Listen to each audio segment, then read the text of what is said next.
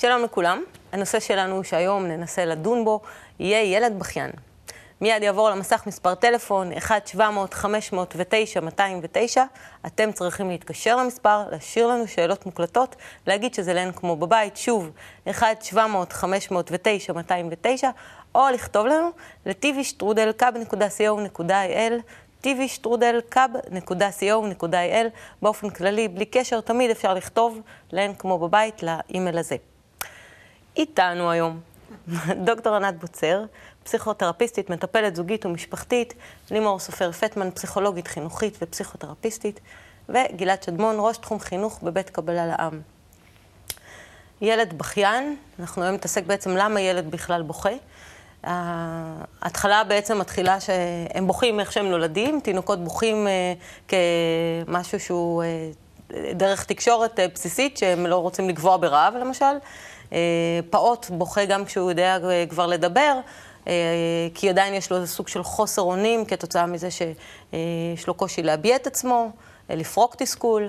מבוגר בוכה כי הוא צריך אה, גם כן לפרוק איזה שהם רגשות מסוימים, גם כן כתוצאה מתסכול, ממשהו שהוא לא משיג. בקיצור, זה דרך, אה, זה סוג של לגיטימציה של אה, לבכות. אם אנחנו רוצים שילד לא יבכה, אנחנו מנסים לתת לו איזשהו אפיק תקשורת אחר, או לתת לו משהו חילופי. אבל בכל זאת באים ואנשים ואומרים תמיד שילד, בדרך כלל ההורים בבית חושבים שילד שמתחיל לבכות, הוא בא ועושה סוג של מניפולציה, שגם כן זה סוג של מילה כזאת, היא מניפולציה. שמדביקים לילדים בני שנה. ש... כן, כן. Mm-hmm. שזה מה שאני אומרת, זה סוג של מילה מאוד מאוד כבדה, אה, כדי להשיג את מה שהם רוצים. אה, ואני רוצה להבין אם בכי זה סוג של בכי אמיתי, אם זה צורך בסך הכל שהוא לגיטימי, או שבאמת הילד כל כך מתמרן את ההורים, ואיך להתייחס לזה. אז בואו נתחיל לברר. נתחיל מהשורש הרוחני של העניין, מה זה בכי? גלעד.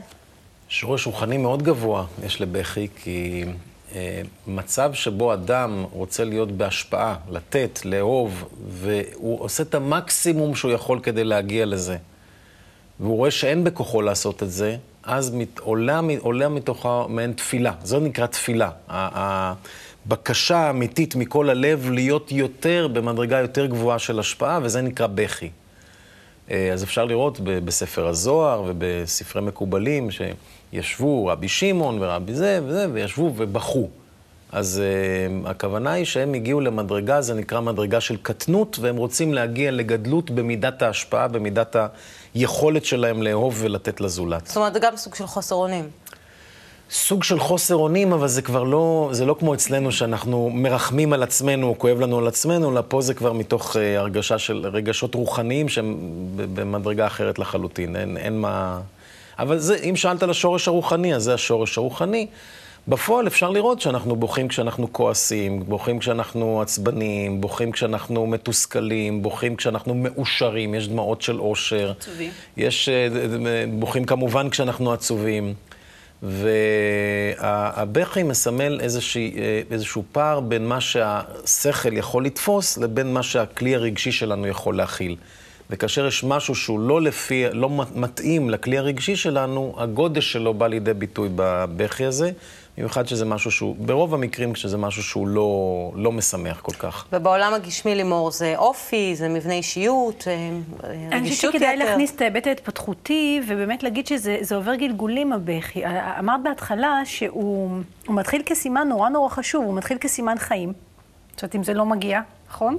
אם זה לא מגיע, אז אוי ואבוי לנו. Uh, בהתחלה, אחר כך באמת, פחות או יותר בשנה הראשונה, הוא uh, מבטא uh, איזשהו צורך שהוא יכול להיות מאוד משתנה, כשבכל מקרה בוכים, והצורך יכול להיות כל מיני. זאת אומרת, הוא, הוא מורכב, וקורה משהו נורא מיוחד בין הורה לתינוק. כשתינוק בוכה, כי, כי יש פה את הניסיון לתקשר איתו ולהבין אותו ולהתחבר אליו ולענות לו. אה, בהמשך, הפעוט אה, מתחיל לפתח שפות נוספות. וגם ההורה סובל כשהילד שלו סובל. ללא ספק, אנחנו מגיבים לזה.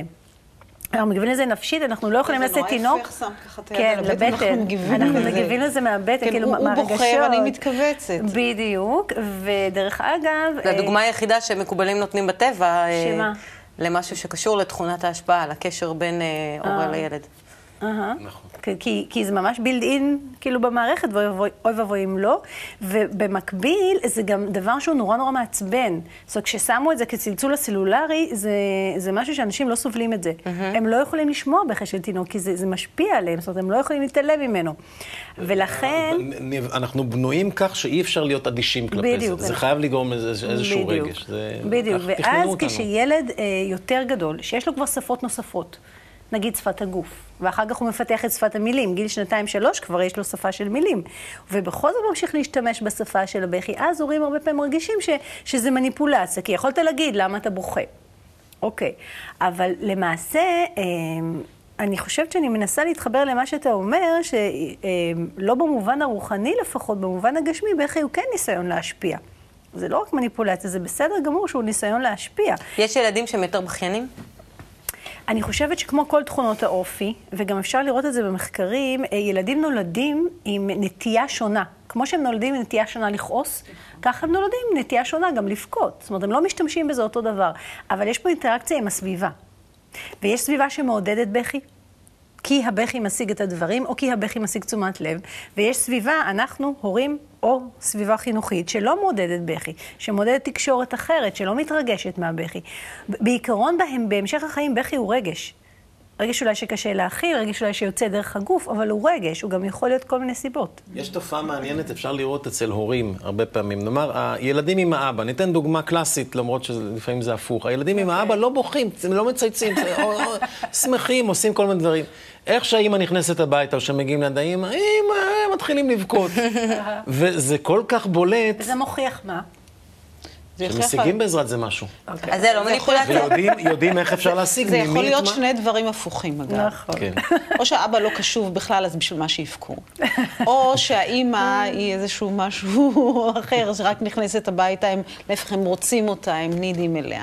ככה שהדוגמה שלך היא, דרך אגב, היא נכונה מאוד, אבל היא יכולה להיות דוגמה להפיכות. שאפשר להשתמש בבכי ליד מישהו וליד מישהו אחר לא. נכון, נכון. הוא ממשיך להשתמש, נכון, לשמש לנו כתקשורת. נכון. כן. אה, גם בין אנשים מבוגרים. דוגמה קלאסית אחרת, זאת אומרת, היא שמתחילה לבכות כשהיא רוצה להשיג משהו, כן. קיים ב... מבעלה?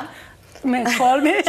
מהבוס לא, מהבוס לא, בבנק לא. תראי, זה לגיטימי, כאילו, זה לגיטימי בכלל בחברה שלנו שאישה תבכה יותר מגבר, כן, שילד נכון. יבכה יותר ממבוגר. יש לי סיפור קצרצ'יק. אפשר? יש לנו זמן לזה? קטר, קטנצ'יק מאוד. אישה יושבת ברכבת ובוכה, בוכה, אוי, כמה אני צמאה, כמה אני צמאה. מתיישב לידה בחור צעיר, אוי, כמה אני צמאה, כמה אני צמאה. איך שעוצרים בתחנת רכבת, וואץ, מהר לקיוסק, קונה, יוצא החוצה, נכנס בדק, בשנייה האחרונה, קופץ פנימה לתוך הרכבת עם בקבוק אה, משקה ביד, בא, מביא לאישה, אומר לה, קחי בבקשה, תשתי גברת.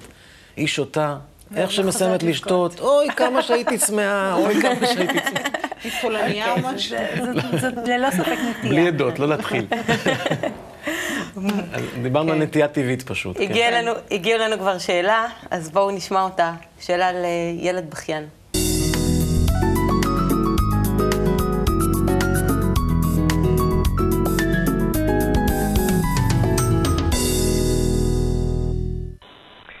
שלום, אה, אני אב לשלוש בנות, אה, כאשר הקטנה היא אה, בת 12 וחצי.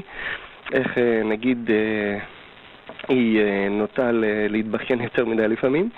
אם מעירים לה על משהו היא בוכה, אם חברים אומרים לה משהו היא בוכה, היא לא מצליחה כל כך להתאפק לידה. גם כשהיא מקבלת מבחן שלא כל כך מרוצה ממנו היא ממש בוכה. וזה לא ממש מוכר לנו מהבנות הבוגרות יותר. אה, האמת שאני ואשתי לא יודעים אה, ממה זה נובע, ואם זה טבעי, אם אה, אפשר לעזור לה, והיינו מאוד, מאוד שמחים לעזור לה אם אפשר בכלל. תודה. אבא מודאג. לא הבנתי בת כמה היא? בת 12 וחצי. אה, 12 וחצי. אני רוצה להגיד, קודם כל בכי זה טוב. כי קודם כל הילד מבטא את עצמו. לא משנה מה, זאת אומרת, הוא לא עוצר, ולכן זה לא נכון להגיד לילד, אל תבכה. באופן כללי. באופן כללי. כי אם... אה, לא להגיד לו, אתה גבר, אתה לא, עזבי אם אומרים לו לפני כן, זה, זה כן אפשר לכוון אותו. Mm-hmm. אבל אם הוא כבר בוכה, לא להגיד לו לא לבכות. כי אז אתה עוצר את זה, זה אנרגיה שיוצאת, אה, אה, ואז אתה אומר לו לא לבכות, כאילו עוצר את האנרגיה הזאת. Mm-hmm. ואז נוצרים כל מיני מחסומים בגוף שהם לא רלוונטיים והם עושים uh, חסימות לטווחים יותר ארוכים, אז זה דבר לא נכון. אוקיי, okay, אחרי שבעצם נתנו לבכות, איך למנוע לפני את המצב שהם יבכו יותר okay. אוקיי. מדי? כי זה משהו שהוא קשה להורים עכשיו, השאלה, הסיפור, היא בת 12, זאת אומרת, יש לה כבר את כל הכלים. אני לא מכירה את הסיפור של הילדה הזאת, למה הילדה בת 12 צריכה כל הזמן לבכות, וגם היא מאוד רגישה, כי אחרת היא לא הייתה אה, בוכה. אז צריך לראות בדיוק מה הסיפור, מה הסיפור שם, למה הילדה הזאת היא בוכה מכל דבר, ולרדת אולי יש איזשהו משהו, מכנה משותף בין כל הדברים, ואז היא פשוט, זה הדגל שלה. זה דגל שהיא מנופפת בו, תעזרו לי. ואז mm-hmm. לראות מה הבעיה ולטפל בבעיה. אני רוצה להגיד עוד uh, שתי מילים לגבי בכי, כי זה, דבר ראשון, הכימיה של הדמעות, של הבכי, היא שונה כל פעם, מחקרים מראים את זה. זאת אומרת, אם אני בוכה מקנאה, אם אני, יש כימיה כן? אחת. אם אני בוכה מעצב, כימיה אחרת. אם אני בוכה מכעס או מזעם, זה כימיה אחרת. אם אני בוכה משמחה, גם כן. אפילו היה איזשהו מחקר שראה שלדמעות יש צבע, הן לפעמים שקופות, לפעמים לבנות, לפעמים אפילו צהובות. זה דבר אחד שאני חושבת שחשוב שנדע. וגם יש משהו שהבכי הוא מבטא את הריתמוס של האדם בהמשך חייו. זאת אומרת, אם הוא בוכה, אה, למשל שהוא תינוק, זה יהיה הקצב שלו. אם הוא אה, אה, אה, אנחנו נראה באופן ההתפתחותי שלו עלייה, ירידה, עלייה, ירידה, עלייה, ירידה. אוקיי. מה שאני רוצה עכשיו, להגיד, בכי הוא כלי לנו, ההורים, לאנשי המקצוע, לאבחן קשת מאוד רחבה של תחומים. אבל עכשיו בעצם לאותו בן אדם יש בעיה. כי מעבר לתקשורת בגיל 12 וחצי, אוקיי, היא מתקשרת את זה שמשהו לא מסתדר לה, אה, היא משתמשת בכלי שהוא התפתחותית מאוד מאוד צעיר, נכון. ולא מאוד יעיל לגיל 12 וחצי. כי בגיל 12 וחצי כשהיא בוכה, מה נותר? לרחם עליה, או לעצור את הכל ולתת לה תשומת לב. זאת אומרת, יש פה איזה צורך... להתבייש בה אפילו. יש פה איזה צורך לברר, האם יש קשר למשל לזה שהיא הקטנה בבית? האם בגלל שהיא תופסת עצמה כצעירה, מתייחסים אליה כצעירה, האם זה, זה קשור לעניין? האם אין לה דרך אחרת להסביר את הדברים? אני חושבת שלא חייבים לעצור את הבכי, אבל נורא חשוב לנסות לברר למה היא מרגישה או חסרת אונים, או זקוקה לתשומת לב, ולנסות... או נעלבת. או נעלבת, או נפגעת. גם כדאי לראות באיזה חברות, האם גם, האם גם עם החברות שלה היא בוכה, בבית, עם אימא, עם אבא, מה, כנראה שהיא משיגה מזה משהו, כנראה לא במודע, אני mm-hmm. מניח שזה לא בכוונה היא בוכה. אבל אה, כנראה שהיא מרוויחה מזה משהו. כן. וגם לברר למה היא מרגישה שאין לה שפה אחרת. זאת אומרת, למה, למה אי אפשר להשתמש במשהו נוסף, כמו להסביר את הדברים? האם לפעמים יש איזשהו לא חוסר של איזון בין המוח, כאילו בין השכל לבין הלב? ודאי, וכש, וכשהחוסר איזון הזה בא לידי ביטוי, אז, אז איזושהי התפרצות רגשית יוצאת החוצה. כי סך הכל אנחנו כל הזמן, כל שלב התפתחותי שלנו הוא כזה שהמוח והלב גדלים ביחד. וההבנה של מה שקורה לי והיכולת שלי להכיל את הדברים. וכאשר ה, אה, היכולת להכיל את הדברים לא מספיק מפותחת בהתאם ל... אז פשוט זה ה, במקרה הטוב, כלי גדוש. גלעד, זה במקרה הטוב שהם מתפתחים כן. ביחד. על פי תפיסתי לפחות, תמיד משהו אחד מתפתח יותר, כן, ואז השני... ככה. או, כן. בדיוק. יש איזשהו, אה, תלוי בתרבות, בבית, ביחסים, באירועי חיים. נכון. ההבנה בכל הבא. מקרה, ההבנה של אדם זה הבנה שבלב. השכל לא, לא, לא משחק פה הרבה.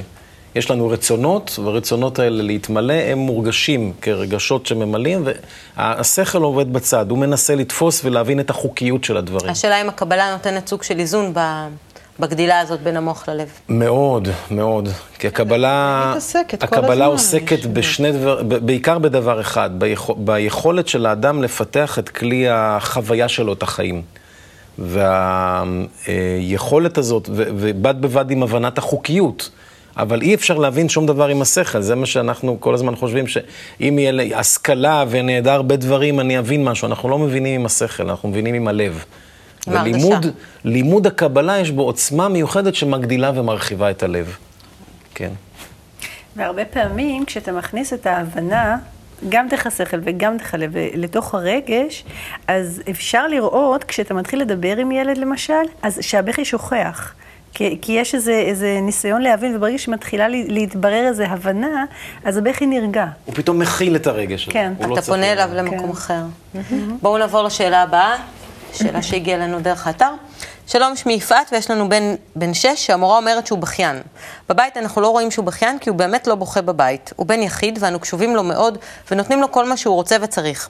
המורה אומרת שהוא רב עם חברים ובוכה, ואם היא מעירה לו הוא בוכה, ואם היא טועה בש... בתשובה לשאלה בכיתה, הוא גם בוכה. אם הוא טועה או משהו. גם, ואם הוא טועה בתשובה לשאלה בכיתה, הוא גם בוכה. זה מאוד יפה, אם היא, טועה והוא בוכה, זה מאוד אה, רגיש ילד בהשפעה, כן. הוא חכם וחרוץ ואהוב. אנו לא יודעים ממה נובעת ההתנהגות הזאת, וגם השוני בין ההתנהגות בבית לבין ההתנהגות בבית הספר, ולמה באמת הוא בוכה כל כך, כל כך הרבה, כמו שהמורה אומרת. ילד בן שש. אני קודם כל הייתי בודקת את המציאות שם, מה באמת קורה. בבית זה... ספר או כן, בבית? כן. לא, בבית ספר. Mm-hmm. וגם מה קורה עם המורה הזאת, אולי עם המורה אחרת, עם המורה לזמרה, או ל... ל... לא יודעת מה, לחינוך גופני הוא לא בוכה. וכאן הוא כן בוכה, זאת אומרת, דבר שני, לבדוק באמת מה מערכת היחסים. זאת אומרת, חסר נתון של מה שקורה בבית ספר? כן, לא רק עם המורה הזאת, לדעתי עם מורות אחרות הוא מתנהג אחרת. להרגשתי, אני לא יודעת. הדבר השני, מה בדיוק קורה באמת ביחסים בין המורה הספציפית הזאת לבין הילד. דבר נוסף, בכלל מכיוון אחר לגמרי, מקומות של ליקויי למידה או דברים כאלה, אפילו אם המורה מקסימה והיא אוהבת אותו ו- וכולי וכולי, אז לבדוק מקומות של ליקויי, איזה קושי יש לו. עכשיו הילד הזה הוא בן שש. זאת אומרת, זה יכול להיות שזה מתוך קושי. רק... כן, מקושי אובייקטיבי, מקושי מה שנקרא אורגני. עכשיו, הילד הזה בן שש, הוא עבר עכשיו מהגן לכיתה א', מה קרה שם במעבר, ממה הוא היה צריך להיפרד, האם ההורים עברו דירה, האם הוא עבר בית ספר וחברה, מקומות... יש שם איזשהו סיפור, ואיזה יופי שהוא בוכה. איזה יופי שהוא בוכה, הוא מאותת לנו. אמ, בכל מקרה... לא לנסות לראות את הסימפטום, אלא לחפש את השורש של הבעיה. כן. אה, אני הייתי נתפסת דווקא באיזושהי אמירה של האימא, ששוב, יכול להיות שאני סתם נתפסת, שהוא מאוד מאוד אהוב, הוא ילד יחיד, והוא מקבל פחות או יותר, אם הבנתי נכון מהניסוח, את כל מה שהוא רוצה. שזה נפלא ונהדר, ונשמע באמת נורא מסור ועוטף ואוהב, אבל יכול להיות שבגלל זה הוא לא כל כך יודע להשיג דברים, כשזה לא מצליח לו. השאלה מה קורה גם בגן. בגן? בגן, הוא היה בגן שנה קודם. מה קרה? האם גם אז, בכל אופן הוא בחברה, הוא צריך להתארגן, נכון. יש גננת אחת, 40 נכון. ילדים, או 12 תלים, זה גם פרטי. מה ההיסטוריה. שלו? האם הוא כן יודע... שלו, נכון. אוקיי. אבל בכל זאת, יש איזו קפיצת מדרגה בשש, בכיתה א', שלא לא תמיד מתאימה לכולם. זאת אומרת, התפוחים נכון. על העץ נכון. מבשילים, באמת כל אחד בקצב שלו. אבל המדרגה היא מדרגה שכולם עולים באותו זמן. Mm-hmm. ואז באמת השאלה, מה חסר לו בהתמודדויות האלה? האם זה משהו שהסביבה אה, שופטת אותו יותר מדי, או שבאמת, ככה, יש לו איזשהו קושי לעשות משא ומתן על, על צרכים, על רצונות, על uh, קונפליקטים, שהוא לא מצליח לעשות את זה אחרת, ואז הוא. הוא בוכה. ויש לי איזושהי שאלה שם שכן הייתי מציעה לאימא לבדוק, האם כשהוא בוכה בבית, הוא כן מצליח לקבל דברים שלא התכוונת לתת קודם. אז בכל זאת, גלעד, איך מכינים את עצמנו לבית ספר? איך ההכנה פה נכנסת? זה לא פשוט. אני, אני, קודם כל אני מסכים עם כל מה שנאמר כאן, והרבה פעמים יכול, ילד בוכה לא בגלל משהו שקורה שם, אלא בגלל שזה הקש ששבר את גב הגמל. יכול להיות שבהפסקה שם הוא לא הסתדר עם ילדים, או צחקו עליו, או שהוא הרגיש נעלב או נדחה, או משהו אחר. וכשהוא מגיע לכיתה, אז המורה אומרת משהו והוא מתפרץ בבכי, כי ליד הילדים לא נעים לו, וליד המורה הוא יכול להרשות לעצמו. דווקא כי היא מכילה.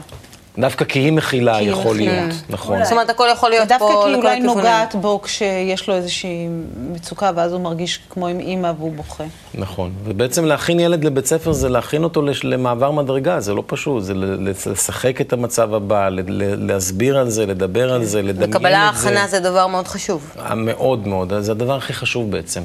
בסופו של דבר, אנחנו חיים את הרגע הזה כתוצאה מההכנה שהתכוננו אליה ברגע הקודם.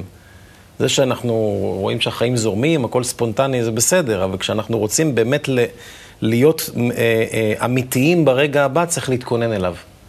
למרות שלא יודעים מה יבוא, אנחנו צריכים להתכונן. אז בעצם אף פעם היא... לא חיים במציאות. אף פעם לא. זאת אומרת, לא ברגע, לא במציאות, אף פעם לא חיים ברגע. הרגע הזה זה כבר תוצאה. כן, גם הוא תמיד עבר. הרגע הזה הוא תמיד עבר. נכון. כי ברגע שאני אומרת את זה, זה כבר עבר. לא נכנסים פעמיים לאותו נהר כן. וכן הלאה, כן. אבל הרעיון הוא שאם אנחנו באמת רוצים להגיע למשהו גבוה ולהתפתח כל הזמן, לעבוד במדרגה של התפתחות, זה תמיד הכנה למצב הבא, ולהבין שהמצב הזה הוא כבר תוצאה.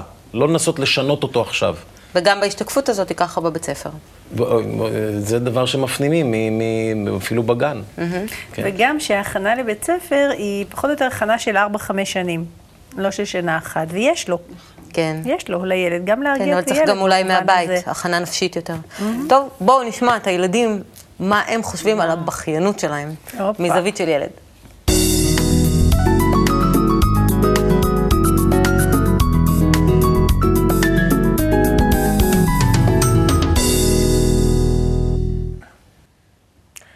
לא ראיתי את הקליפ לפני, אבל לא שמעתי הרבה ילדים שמודים בבכיינות שלהם. בואו נראה מה יש להם להגיד. שלום, קוראים לי דוד, ואני בן עשר. שלום, אני אלעד, ואני בן תשע וחצי. שלום, קוראים לי ציפי, ואני בת 11. שלום, קוראים לי סיוון, ואני בת עשר. האם יש לך אח או אחות או חבר שנחשבים לבכיינים, כלומר, בוכים מכל דבר קטן? כן. כן. כן. למה אתה חושב שהם בוכים מכל דבר קטן לעומת אחרים שבדרך כלל לא בוכים בכלל? כי הם רק מפסידים כאילו, ואז הם מתחילים לבכות. כי הם, הם מפונקים, הם רוצים אוכל וזה, את האוכל שלהם. כי הם ילדים קטנים, הם מפונקים. הם אה, עוד לא יודעים ש, שגדולים, אה, לא כל דבר הם צריכים לקבל. כיצד היית מציעה להם להתמודד עם זה? לקבל מה שנותנים להם, לסמוך בחלקם. לנסות לא לבכות. איך? להתאמץ, לחשוב, נו, לא נורא, זה היה רק משחק. זה, הייתי אומרת, תנסו לא לבכות, זה לא בריא, זה לא, זה לא טוב. אני אגיד להם שזה לא, לא כל דבר צריך לבכות. אפשר גם לדבר ולהגיד, אה, למה, להגיד דברים שיש לכם בלב. כיצד אתה חושב שההורים יכולים לעזור? להגיד להם, זה לא נורא, זה רק משחק. יעשו להם אה, קצת דברים, אה, כאילו, את האוכל שהם לא רוצים, ואת זה, ואחרי זה הם יתרגלו לזה, ואחרי זה הם לא יבכו. שלמדו אותם לא להתפנק. האם אתה חושב שאתה יכול לעזור? לא כל כך הרבה. לתת להם מה שהם רוצים, אבל לא בכמויות גדולות. לא לפנק אותם יותר מדי. האם זה רע לבכות? לא. לא תמיד. לפעמים. תלוי. אם uh, שמים לך זריקה ביד אה, וכואב לך, אז אתה, אתה יכול לבכות כי זה כואב, אבל אם כאילו אתה בוכה שאתה רוצה שיפנקו אותך, אז uh, זה לא טוב.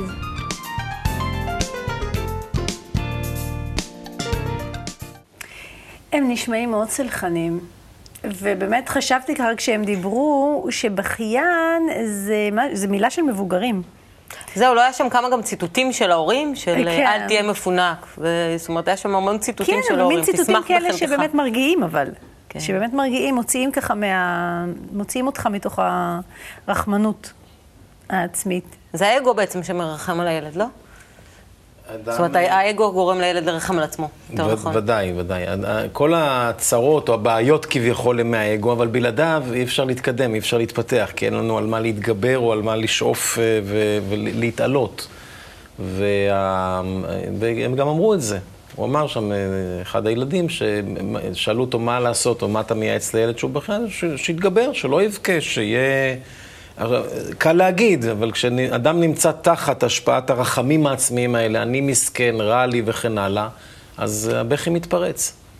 העניין הוא שבאמת אה, אפשר להגיע, ב, אם לומדים, אה, איך לבוא לידי כך שאת אותו בכי מפנים ללא כמה אני סובל, אלא כמה האחר סובל. להרגיש את הצער של האחר, ואז מתוך זה זה בכי אחר במדרגה הרבה יותר גבוהה. נשמע שהלוואי שנגיע לכזה דבר. כן. אבל האמת שניסיון אישי שלי תמיד, אה, אני גדלתי אה, ברס"ריות של אל תרחמי על עצמך. Mm-hmm. וזה נשאר, זאת אומרת, אני רואה את זה כלפי הילדים. כשהם בוכים, אני מיד אה, כאילו נזעקת שלא ירחמו על עצמם בטעות. בואו נראה מה הטיפים שלכם. פינת הטיפים.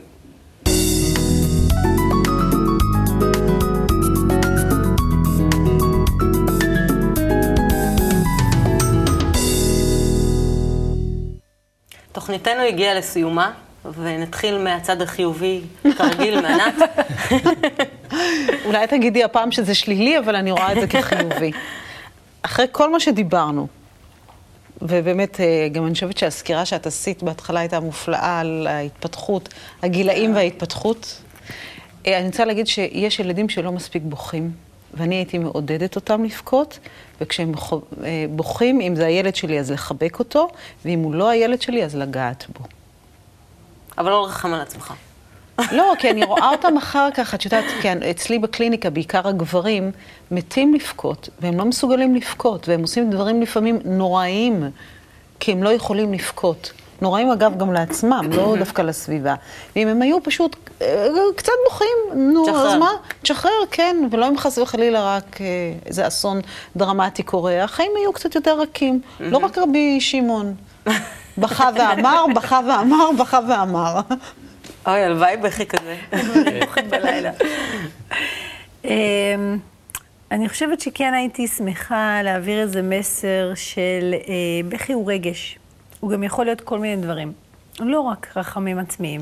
אז כהורים, או כשאנחנו ככה פוגשים, צריך להתייחס אליו ככזה, כי, כי רגש הוא לא לאו דווקא חיובי או שלילי, הוא רגש.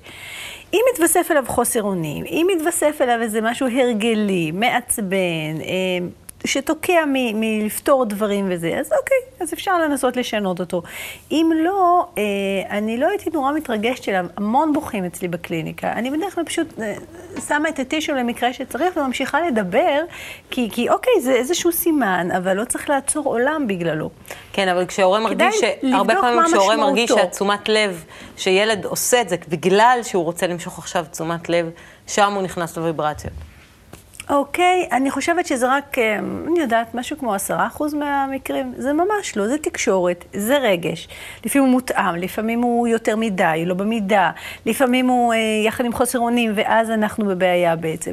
אבל לרוב זה רגש, ו- וזה סוג של רגש. לא, לא צריך לתת לו, לדעתי, איזשהו מין משמעות שהיא אה, מאוד מאוד אה, אחרת, ואז... אה, הוא באמת הופך לכלי, למניפולציה. וגם בדרך כלל, למי שהכי קשה זה לאבא עם הבכי של הבן שלו הקטן.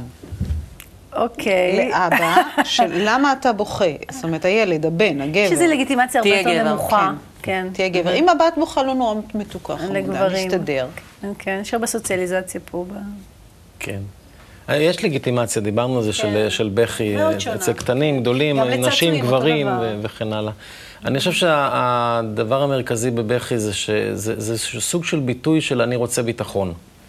ובמערכות יחסים בריאות, שבהן באמת אה, אחד מעניק, במיוחד ההורים, מעניקים לילדים ביטחון, אהבה, הרגשה שהם מובנים, הרגשה שהם אה, אה, מכובדים, שהם מוערכים, שמקבלים אותם כמו שהם, ש... אה, נותנים להם ביטחון שהחיים מתנהלים לפי איזושהי חוקיות, ואנחנו נותנים לכם, מעניקים לכם, גם דרך דוגמה אישית, גם בהסבר, את החוקיות הזאת, אז יהיו מעט מאוד מקרים של אה, בכי כזה, מהסוג הזה שדיברנו עליו, שהוא בעיה. וכל יתר המקרים, בכי הוא לא בעיה, הוא חלק מהחיים. וגם, זה אפילו לא רגש, זה סוג של ביטוי. אז, אז אה, בסדר גמור לבכות. הוא ביטוי של רגש, אבל הרבה, הוא גם בעייתי ברמה פיזיולוגית כשלא מבטאים אותו. נכון? כן. יש ממש אה, עצירה של אנדורפינים במוח, אם, אם הוא לא יורד. בטח. הוא לא משתחרר. וכשבוכים, אז מורפינים משתחררים. Mm-hmm. מורפינים זה מרגיעים אותנו. טוב, הבנתי. ואז אנחנו רגועים. בסדר. מה רע? את הולכת... אה, תנו לילדים שלכם לבכות, תבכו. אנחנו מאוד אופטימיים בתוכנית הזאת, ואנחנו ניפגש בנושא הבא. תודה רבה לכם, תודה רבה גם לכם. תבכו. ביי.